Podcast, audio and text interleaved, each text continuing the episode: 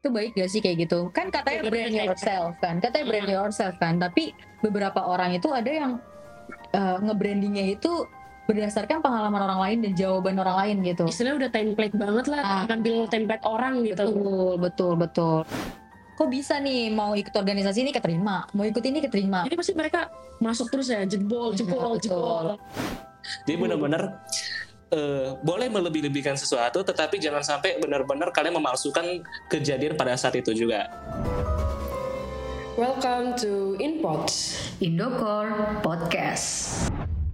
Halo guys. nggak kompak banget. Halo pak Hai nih.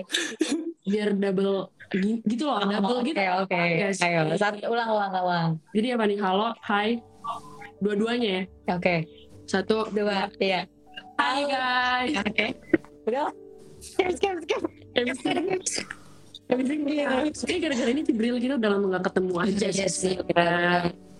Aduh, perdana lagi nih kita ngisi podcast. Tuh beda tempat ya? Beda tempat ya? Betul. Ini kayak anak-anak kita tuh udah bosan gak sih ketemu kita lagi? Iya, kita lagi. Kita lagi. Podcast kampus Brilligen Ini loh ITS Brilligen Sekarang Indokor. Nah, ini yang spesial. Ini baru ya betul. Ini platform ya ke berapa kita tapi ini paling spesial sih. Kenapa tuh spesialnya kalau dari lo? Karena ya spesial aja sih. Karena ada lu lagi. Kita lagi ya Oke oke oke, lanjut nih.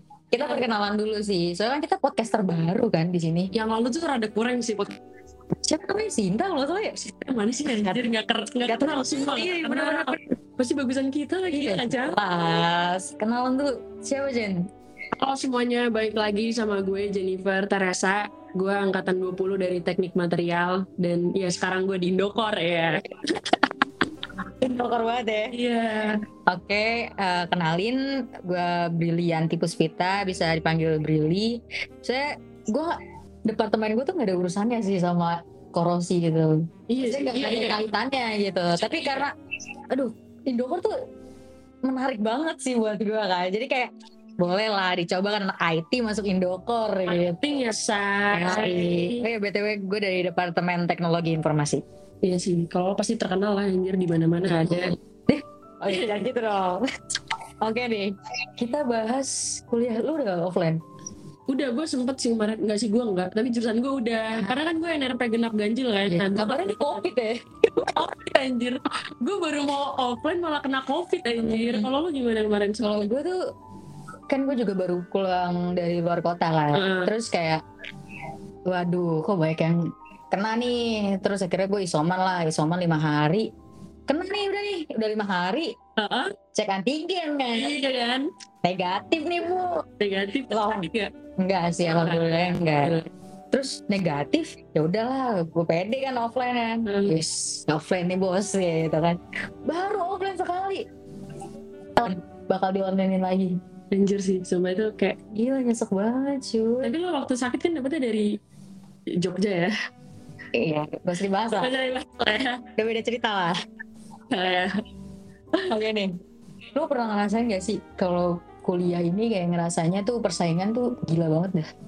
Iya, kerasa banget sih. Nggak, nggak cuma akademik ya, maksudnya kayak bener-bener general dari kita masuk. Misalkan kita Indokor juga kan kita bersaing sama orang-orang kan buat masuk ya. Bener banget. Walaupun kita udah punya nama, tapi kita tetap harus bersaing. Anjir sama putih. Tapi kayak gimana nih?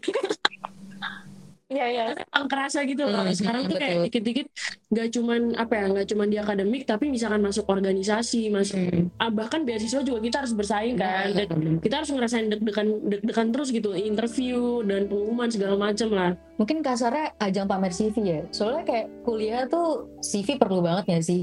iya ya kan guru kayak itu orang-orang pada ngebangun CV tapi kayak udahlah ambil aja ngeraup semuanya gitu. Tapi itu benefitnya ya? betul. Terus juga dia mampu apa enggak sih di situ gitu. Kadang mereka juga cuman kayak ada opportunity langsung diambil tapi dia nggak tahu nih ke depannya dia dia bisa apa enggak gitu.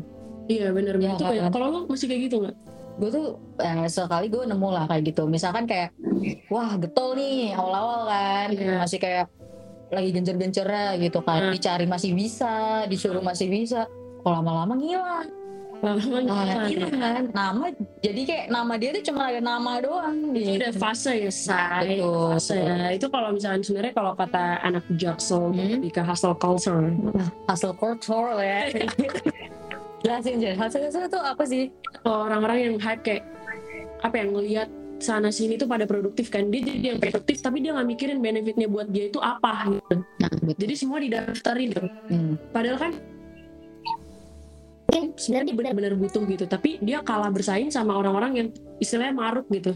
karena gini sih sebenarnya masalahnya itu kayak di interview dan lain-lain tuh pasti yang dinilai itu CV-nya Iya sih. ya kan jadi kayak wah banyak nih Itu kan sebagai first impression gitu. betul wah banyak nih eh, dia ikut organisasi A B sampai Z gitu Iya. kan tapi belum tentu lah dia bisa dipercaya dan bertanggung jawab selama pekerjaannya dia itu loh ngerti sih? Benar-benar benar. ya jadi orang-orang yang baru dan pengen berusaha tuh kadang udah ciut duluan gitu loh Iya. ya kan Nah tapi kalau menurut gue ya kalau misalkan orang yang udah ciut maksudnya kayak gitu terus dia eh, misalkan dapat rezeki nih dia keterima berkas berkas CV nah berarti dia harus mantepin tuh di CV-nya Bril gue pernah dengar soalnya dari cutting gue kayak ya dia tuh punya pengalamannya sedikit tapi dia tuh berhasil ngalahin orang-orang yang istilahnya punya pengalaman yang lebih dan lebih hebat daripada dia lah. Nah dengan cara dia me- meyakinkan dirinya dengan branding waktu interview gitu.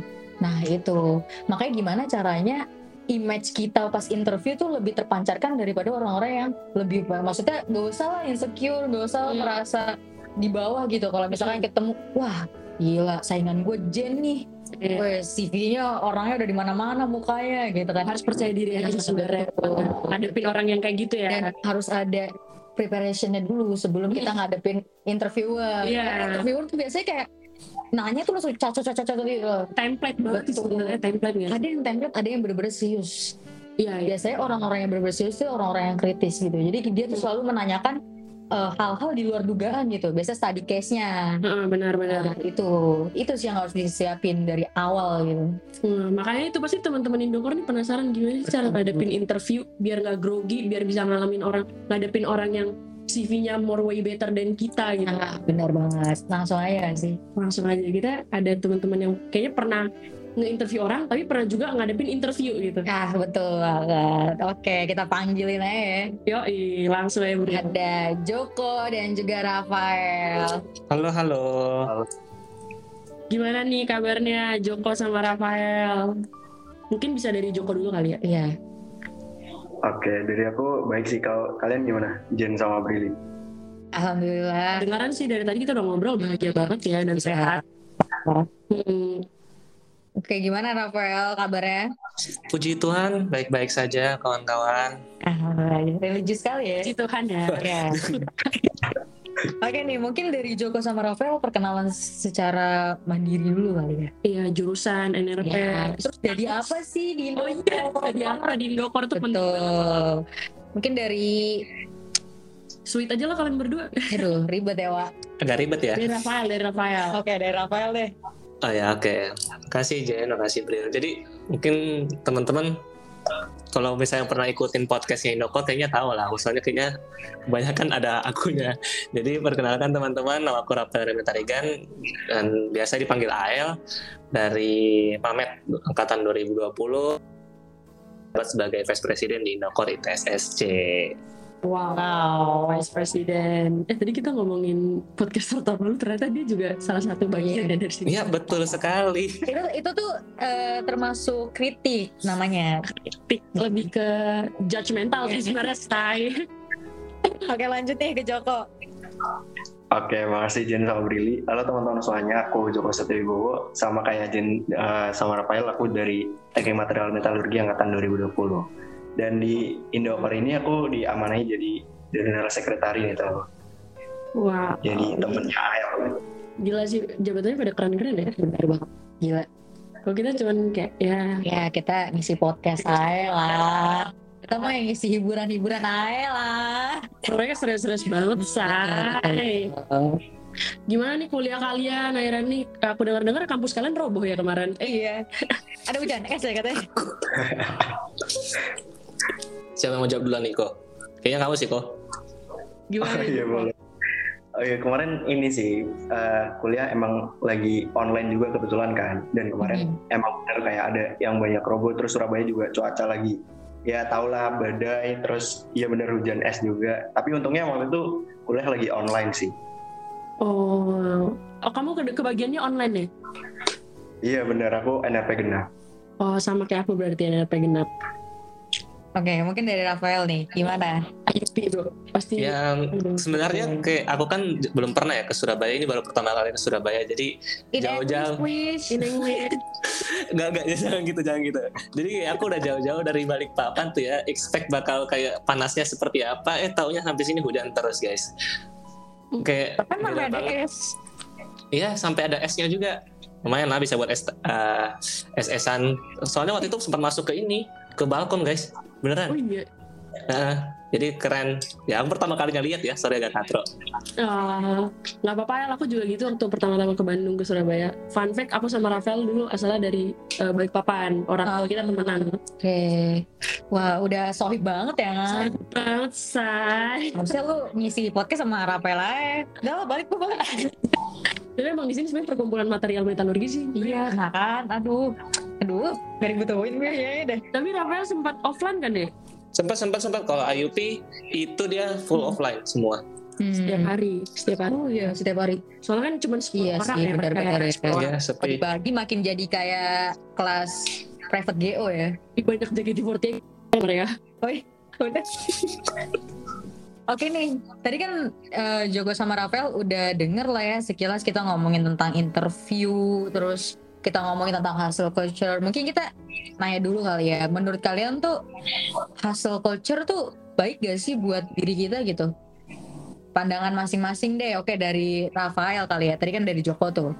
Oh ya oke oke. Jadi kalau menurutku ya, aku pernah Hmm. berada di posisi ah, seperti itu, apalagi pada saat awal-awal masuk lah ke ITS kan namanya gengsi ya teman-teman. Pengen CV-nya lebih Hmm. kelihatan, pengen banyak pengalaman, eh tapi jatuhnya ternyata menyiksa diri.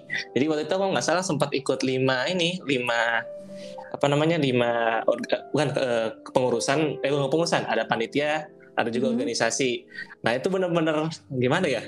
badan definisi badan paling capek yang secapek-capeknya itu di situ sampai bahkan putus sama pacarku ya ini fun fact Wow. aja ya agak Oh. sedih agak sedih gitu Eh jangan Iya. nangis Rafael. anda anda dok mana nangis udah lama juga Jan Itu padahal Rafael posisinya waktu itu masih di Bangkok kayaknya depan laptop aja kan ya. iya betul Ini mau di sambil di play lagu sedih? Nggak usah nggak usah nggak Tahu usah saya. ini, ini Dia udah bahagia tahu sekarang. Oke ya. Dia sama yang lain. Gak ada ayang. Eh. Nah, waktu pas ngadepin eh, rasa itu ya kayak rasa nggak mau ketinggalan dan lain-lain itu, nah kan tadi Rafael ngomong merasa keteteran dan nyusahin diri sendiri kan. Nah itu Iya, gimana sih maksud dari nyusahin diri sendiri? Ya, jadi mungkin anggap aja lah dalam satu minggu kan ada tujuh hari. Dalam tujuh hari waktu produktif kita gimana sih? Paling cuma sampai pagi, sampai malamnya itu paling jam 9. Nah, tapi ini benar-benar kamu push the limit gitu. Nah, sampai bahkan tengah malam kamu masih kerjain proker-prokermu, masih ngerjain tugasmu, masih ngerjain kebutu- eh, tugas rumah tangga juga. Jadi kayak banyak yang harus dipikirkan. Oh udah berumah tangga? Bu- bukan bukan maksudnya Oh. ya karena karena di rumah sepi kan jadi ya yang bantu bersih bersih ya siapa lagi Ah, anak yang baik sih. Iya, Nggak meninggalkan kewajiban di rumah. Iya benar. Mungkin hmm, kalau ini mungkin cuman kayak rasa ketinggalan aja kali ya. Iya, Kayak rasa biasa awal-awal kita sebagai Iya. abah lo juga pasti pernah gitu kan. Gue juga ngerasa gue pernah kayak gitu gitu. Betul. Tapi kayak makin lama makin lama kita tahu impact dari masalah ini tuh apa gitu. Dan udah tahu batasan buat diri sendiri juga. Betul. Pokoknya apa ya boleh ngambil sesuatu gitu tapi know your limit lah pokoknya. Tahu lah gitu loh batas kita tuh sampai mana. Mungkin kita langsung tanya Joko kali ya. Iya Joko. gimana nih Jo menurut kamu tentang hustle culture? Culture. Agak susah ya Rebun kalau menurut aku ini juga suatu hal yang nggak baik ya. Karena balik lagi sih kalau aku pandangannya menurutku aku dapat apa sih di situ? Kayak gitu. Jadi, Mhm. Nggak semata-mata. Kayak aku pokoknya kayak nggak usah takut ketinggalan atau fear of missing out itu kan. Kayak kadang lihat uh, teman-teman upload Twibbon terus kadang di organisasinya juga upload uh, kayak meet our team gitu kan. Kayak ngerasa fear of missing out. Tapi kalau dari aku nggak usah ngerasa takut ketinggalan juga karena tiap orang punya waktu masing-masing kan. Dan intinya kalau dari aku mesti mikirnya kalau aku join itu aku bakal dapat apa gitu. Oh, Betul, betul, betul. Ya semua harus ada benefit buat diri sendirinya Iya, gitu ya. iya. Jangan FOMO. Nah. Kata Joko tadi. Betul. Ini ada gabungan hustle culture sama FOMO ya. Hustle culture. Iya, hustle culture. Oke, lanjut nih. Kan tadi eh, Joko sama Rafael kelihatan lah ya kayak Kayak aktif lah. Maksudnya di, di mana-mana tadi sempat lima organisasi juga. bener banget. Pasti udah sering lah ngadepin. Maksudnya mentalnya udah terlatih dengan yang namanya interview dengan screening-screening segala macam. ya. Betul. Mungkin bisa dibilang juga eh, jawabannya di luar kepala nggak sih? Udah tau lah pertanyaan apa tadi case-nya apa Betul. gitu. Mungkin eh, kita tanya kali ya. Interview menurut kalian tuh apa ya? Visinya dari interview mungkin ya. Kita tanya dulu nih. Mungkin kan mereka juga udah pernah jadi interviewer Iya. juga. Itu apa? Betul. Gimana sih? Ngapain aja? Hmm. banyak tuh mungkin adik-adik kita yang baru masuk kuliah kan kayak masih awam lah sama yang namanya interview mungkin Betul. tahu tapi nggak tahu tuh pertanyaannya apa aja sih gimana Bener banget. Mungkin bisa jelasin ini dari Joko mungkin. Oke, kalau menurut aku ngomong interview ya karena kita mahasiswa juga dan mungkin kita lebih diperkecil lagi konteksnya ke Mhm. interview organisasi. Kalau interview organisasi itu suatu langkah pertama dari organisasi untuk memasukkan orang luar ke organisasi itu, di mana interview itu jadi sebuah kesempatan gitu bagi calon kandidat organisasi untuk menunjukkan kompetensi yang dimiliki. Dan biasanya Mhm. sih ini sih nggak kayak setiap organisasi itu mesti interviewnya ya itu itu aja biasanya sih ada tiga sesi atau tiga bagian itu pertama perkenalan biasanya pakai perkenalan kreatif tuh terus Mm-mm. kedua itu ada pengetahuan atau pemahaman tentang organisasi atau pemahaman tentang divisinya sama tentunya ada study case gitu sih Hmm, oke Oke. iya sih emang gitu sih Betul betul. Mungkin eh, Rafael mau nambahin nggak nih?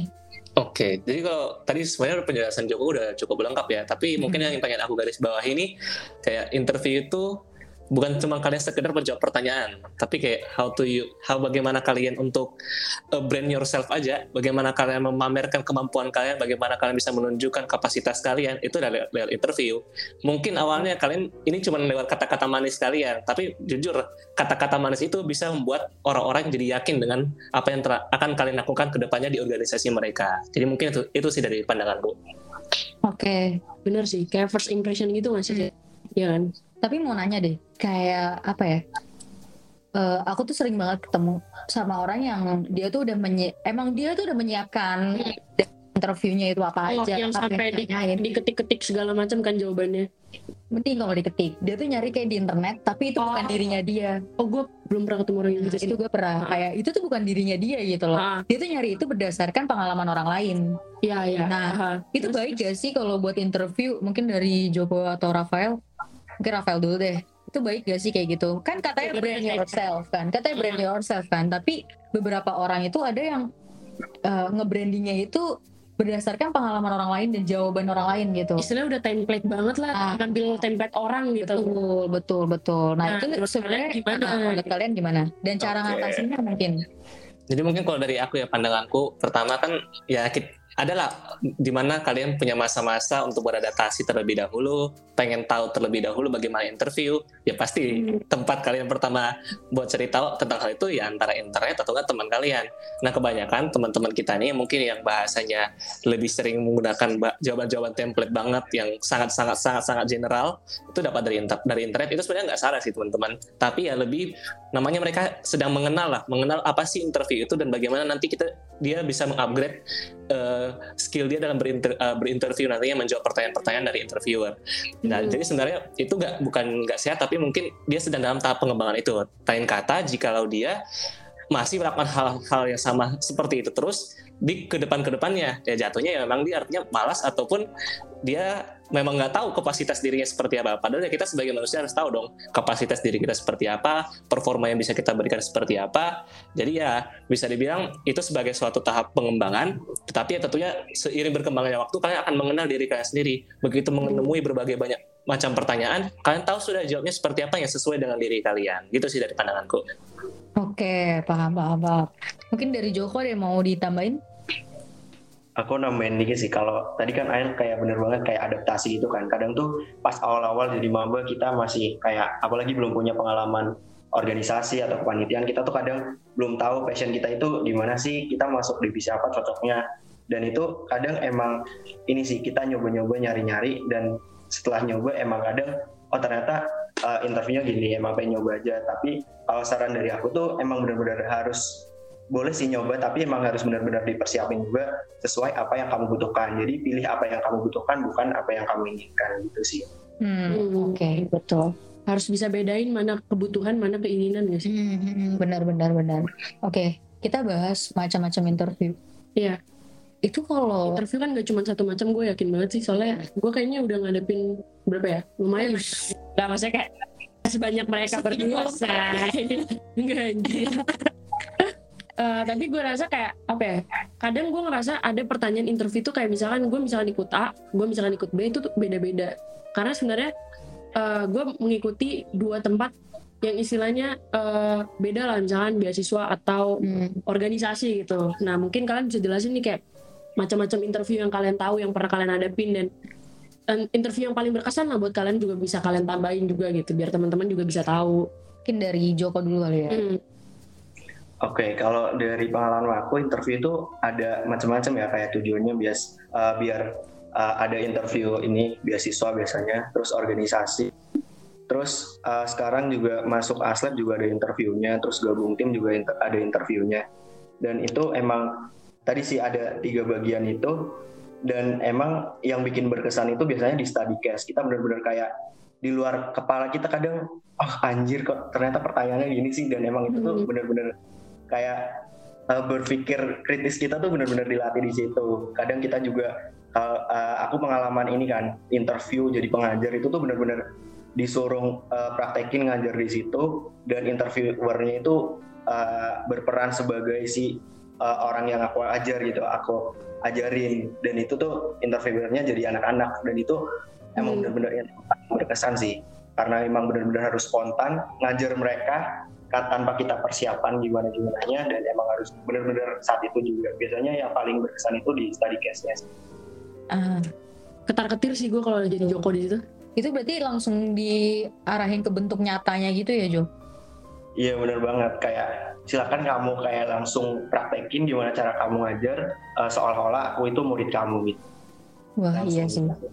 Jujur apalagi kalau nol experience nol, eh, nol experience gitu ya, terus tiba-tiba disuruh sesuatu yang kita tuh baru minat gitu di situ.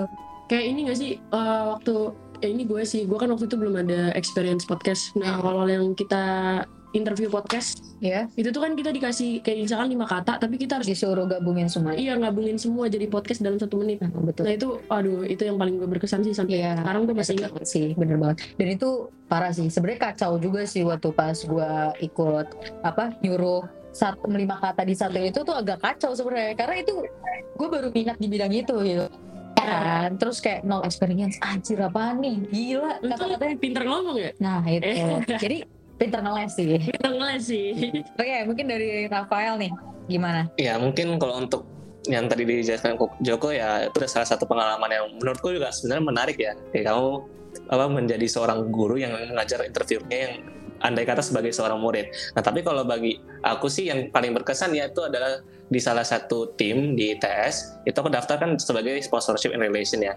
Jadi itu Hmm. karena ini tim ya, tim itu entah kenapa kesannya agak lebih intensif lah dalam hal interview. Kayak misalnya kalau aku join kepanitiaan ya, kepanitiaan tuh paling interviewnya berselang ya 30 atau sampai satu jam lah dapat. Nah ini kalau tim bisa sampai satu jam lebih dan interviewernya nggak cuma satu, bisa lebih daripada satu. Ada dari eh, direktur pada saat itu juga, ada juga alumni direkturnya ataupun nanti juga general manager tim pada saat itu. Jadi benar-benar kita di eh, ditanyakan apalagi kita sebagai orang apa eh, yang di interview ya apalagi aku juga daftar sebagai sponsorship itu kan banyak kan sponsorship kan bisa dibilang sumber uang dari su- suatu tim nah itu kan Iya, butuh Utama juga kan. iya jadi tuh kayak butuh banget keyakinan dari eh, interview ke interviewer itu kayak kita tuh mampu nggak sih buat menuntaskan pencapaian-pencapaian yang sedemikian rupa untuk dibutuhkan dibutuhkan ke depannya Nah itu benar-benar berkesan sih menurutku karena bahkan kalau kalau kalian pernah nonton Wolf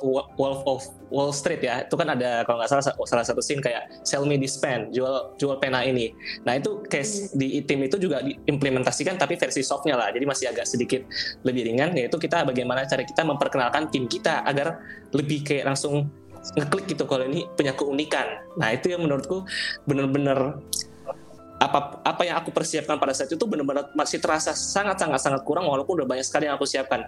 Bahkan pertanyaan-pertanyaan yang aku gak sangka pun seperti rencana ke depannya bagaimana nanti pada saat ada kendala seperti ini dan kamu dalam kondisi seperti ini itu benar-benar sangat-sangat kompleks. Jadi ya uh, semua pengalamanku yang sudah mengikuti banyak sekali interview jadi kayak tahulah bagaimana cara mengatasi hal-hal ini. Puji Tuhan. Jadi kayak kayak pengalaman tuh penting teman-teman. Itu sih dari aku. Iya betul. Relate sih. Fun fact gue waktu daftar tim kan gue daftar sponsor gue belajar dari Rafael.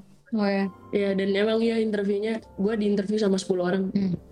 itu mungkin karena dilihat ya apa sih yang kenapa sih gue harus milih lo? Apa yang lo jual gitu? Iya dan apalagi kan sebenarnya sebuah tim gitu nggak tim riset kan. Hmm. jadi kayak ya lo kita nggak main-main gitu loh harus nyari uang buat kita gitu. Dan buat misalnya nih gue sama Rafael kan ikutnya yang uh, fokusannya mobil. Untuk nge-build up mobil itu kan butuh biaya yang besar kan hmm. dan gak main-main. Nah itu jadi kerasa sih pressure thank you Rafael udah ngajarin gue gak apa-apa Jen santuy.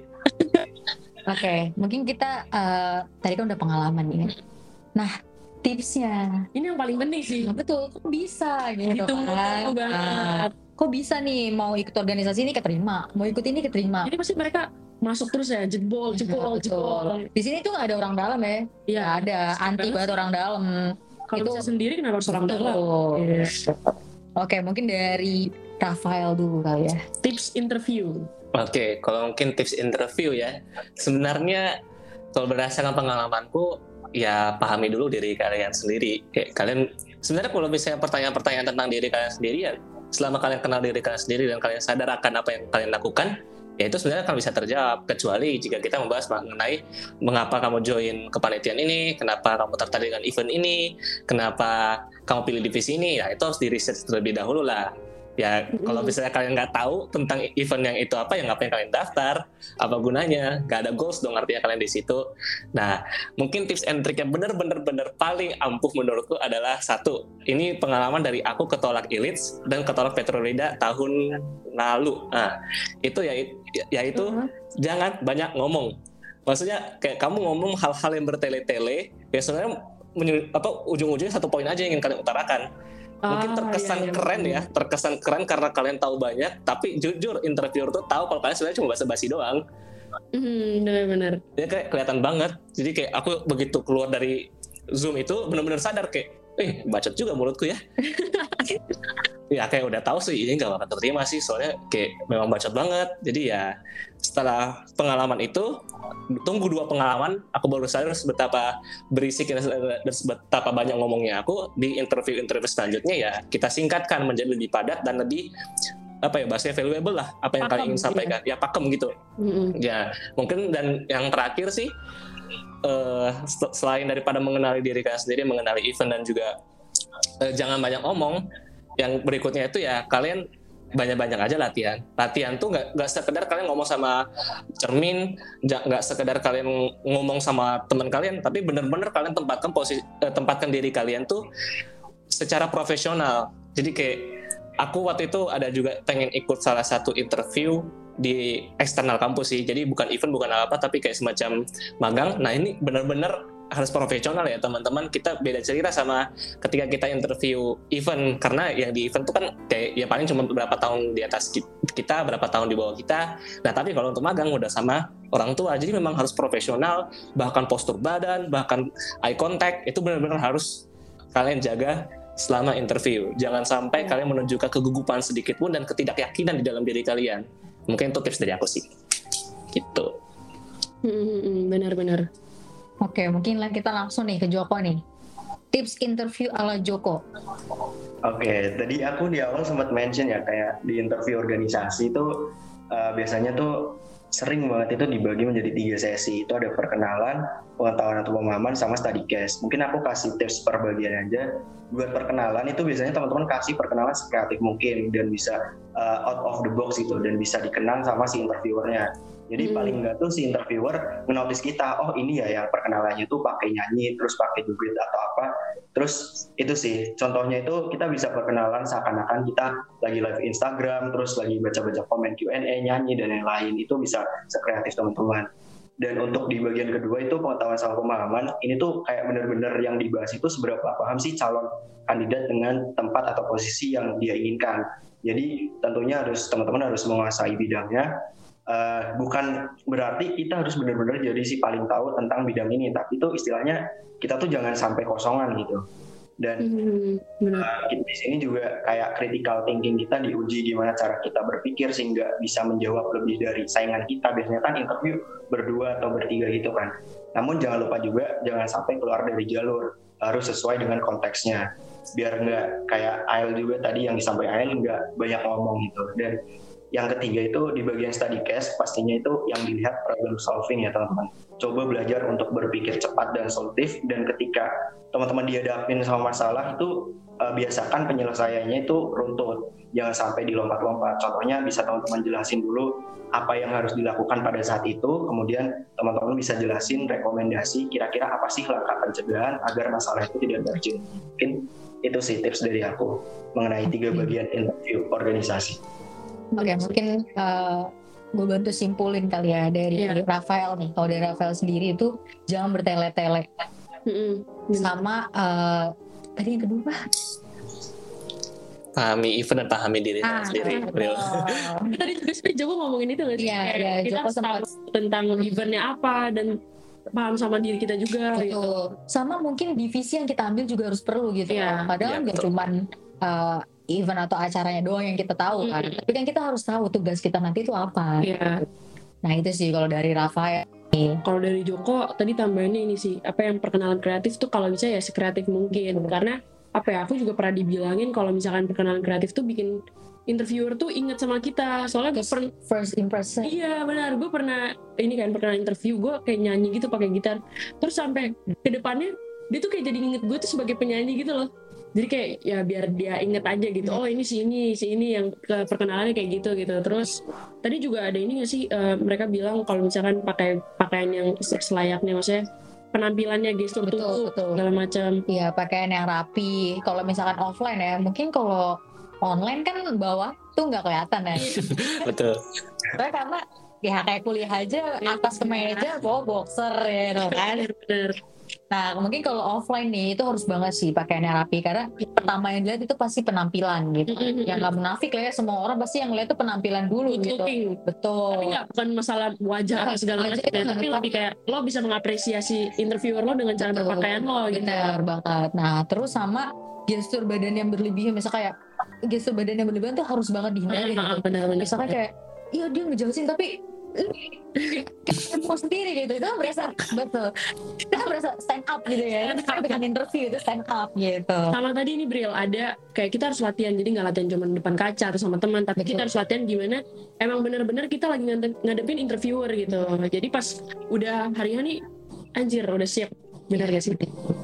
Itu sih uh, tips and triknya gimana bisa lancar interview gitu. Yeah. Jadi semua itu sebenarnya balik lagi ke diri sendiri gitu. Mm. Motivasinya kuat gak sih gitu kan. Mm nah, kalau misalkan udah belajar tips interview gini-gini tapi pas motivasinya masih lainnya-lainnya, masih A, bingung mau A atau B, itu tuh udah nggak pasti sih gitu loh. Karena dia juga udah ke, apa ya keganggu sama pikirannya sendiri gitu loh. Gimana dia bisa cet, cet, cet, gitu pas ditanya. Masalahnya kayak study case yang tadi Joko juga singgung gitu ya misalkan kita tuh belum tahu nih tujuan kita sebenarnya mau di A atau di B gitu. Hmm. Nah, jadi kita bingung ya. Study case-nya kita kan nggak tahu nih apa yang harus dilihat, apa yang harus dipandang eh, uh, gitu di bagian nanti divisi yang bakal kita ambil karena dia juga masih labil gitu mau A atau B gitu kan. Iya, benar. Tuh. Jadi kita nggak bisa memposisikan diri kita jadinya kalau kita labil. Sama ini sih mungkin kayaknya ini tips dari gue sih kalau misalnya interview tuh kayak lo harus bisa respect sama interviewer karena gue pernah interview orang yang gue interview ini kayak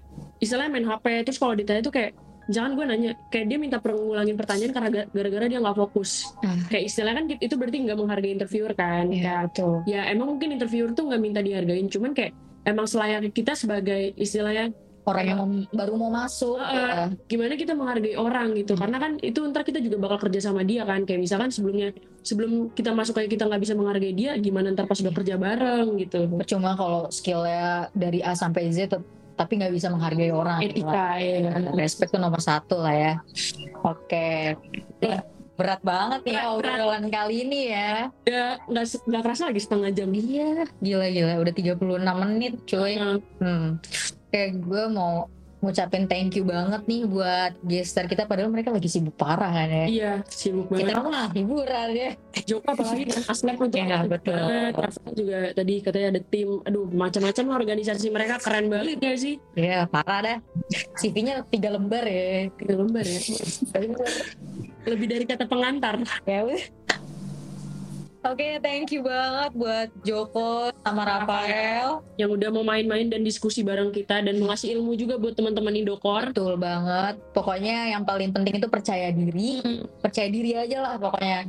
Gak perlu takut udah kalah sama orang-orang yang udah berkesimpung lama gitu. Heeh. Karena kalau nggak nyoba kita jadi nggak tahu rasanya kayak harus gimana. yakin lah harus yakin sama diri sendiri Yakin sama diri sendiri, percaya diri lah pokoknya ya.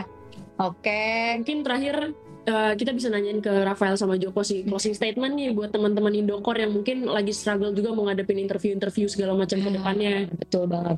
mungkin bisa dari Joko dulu nih gimana closing statement kamu Oke, makasih Jen sama Brili. Aku mungkin gini teman-teman, jadi bisa aku katakan ya bahwa interview itu suatu hal yang dimulai sebelum hal yang sesungguhnya dimulai.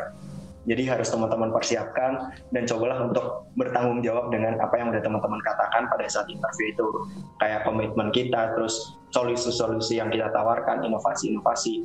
Dan pokoknya teman-teman harus bertanggung jawab dan persiapkan interview itu. Gitu sih teman-teman. Semangat teman-teman. Oke, thank you Jo- Joko. Kalau ada Rafael gimana nih closing statement? Oke, mungkin untuk nambahin tadi Joko sedikit, benar kayak apa yang sudah kalian katakan itu harus kalian pertanggungjawabkan. Jangan lupa interviewer itu pun ada yang melakukan background checking teman-teman. Jadi apa pun yang kalian omongi, apakah itu selaras dengan misalnya waktu itu kepala divisi yang kalian juga pernah ja- menjadi eh, sebagai staff waktu itu, selaras nggak? Andai kata nggak selaras kan jatuhnya kalian bikin eh, membuat suatu false information ya, yang di mana itu justru men- mengurangi nilai value kalian sebagai orang yang ingin direkrut teman-teman.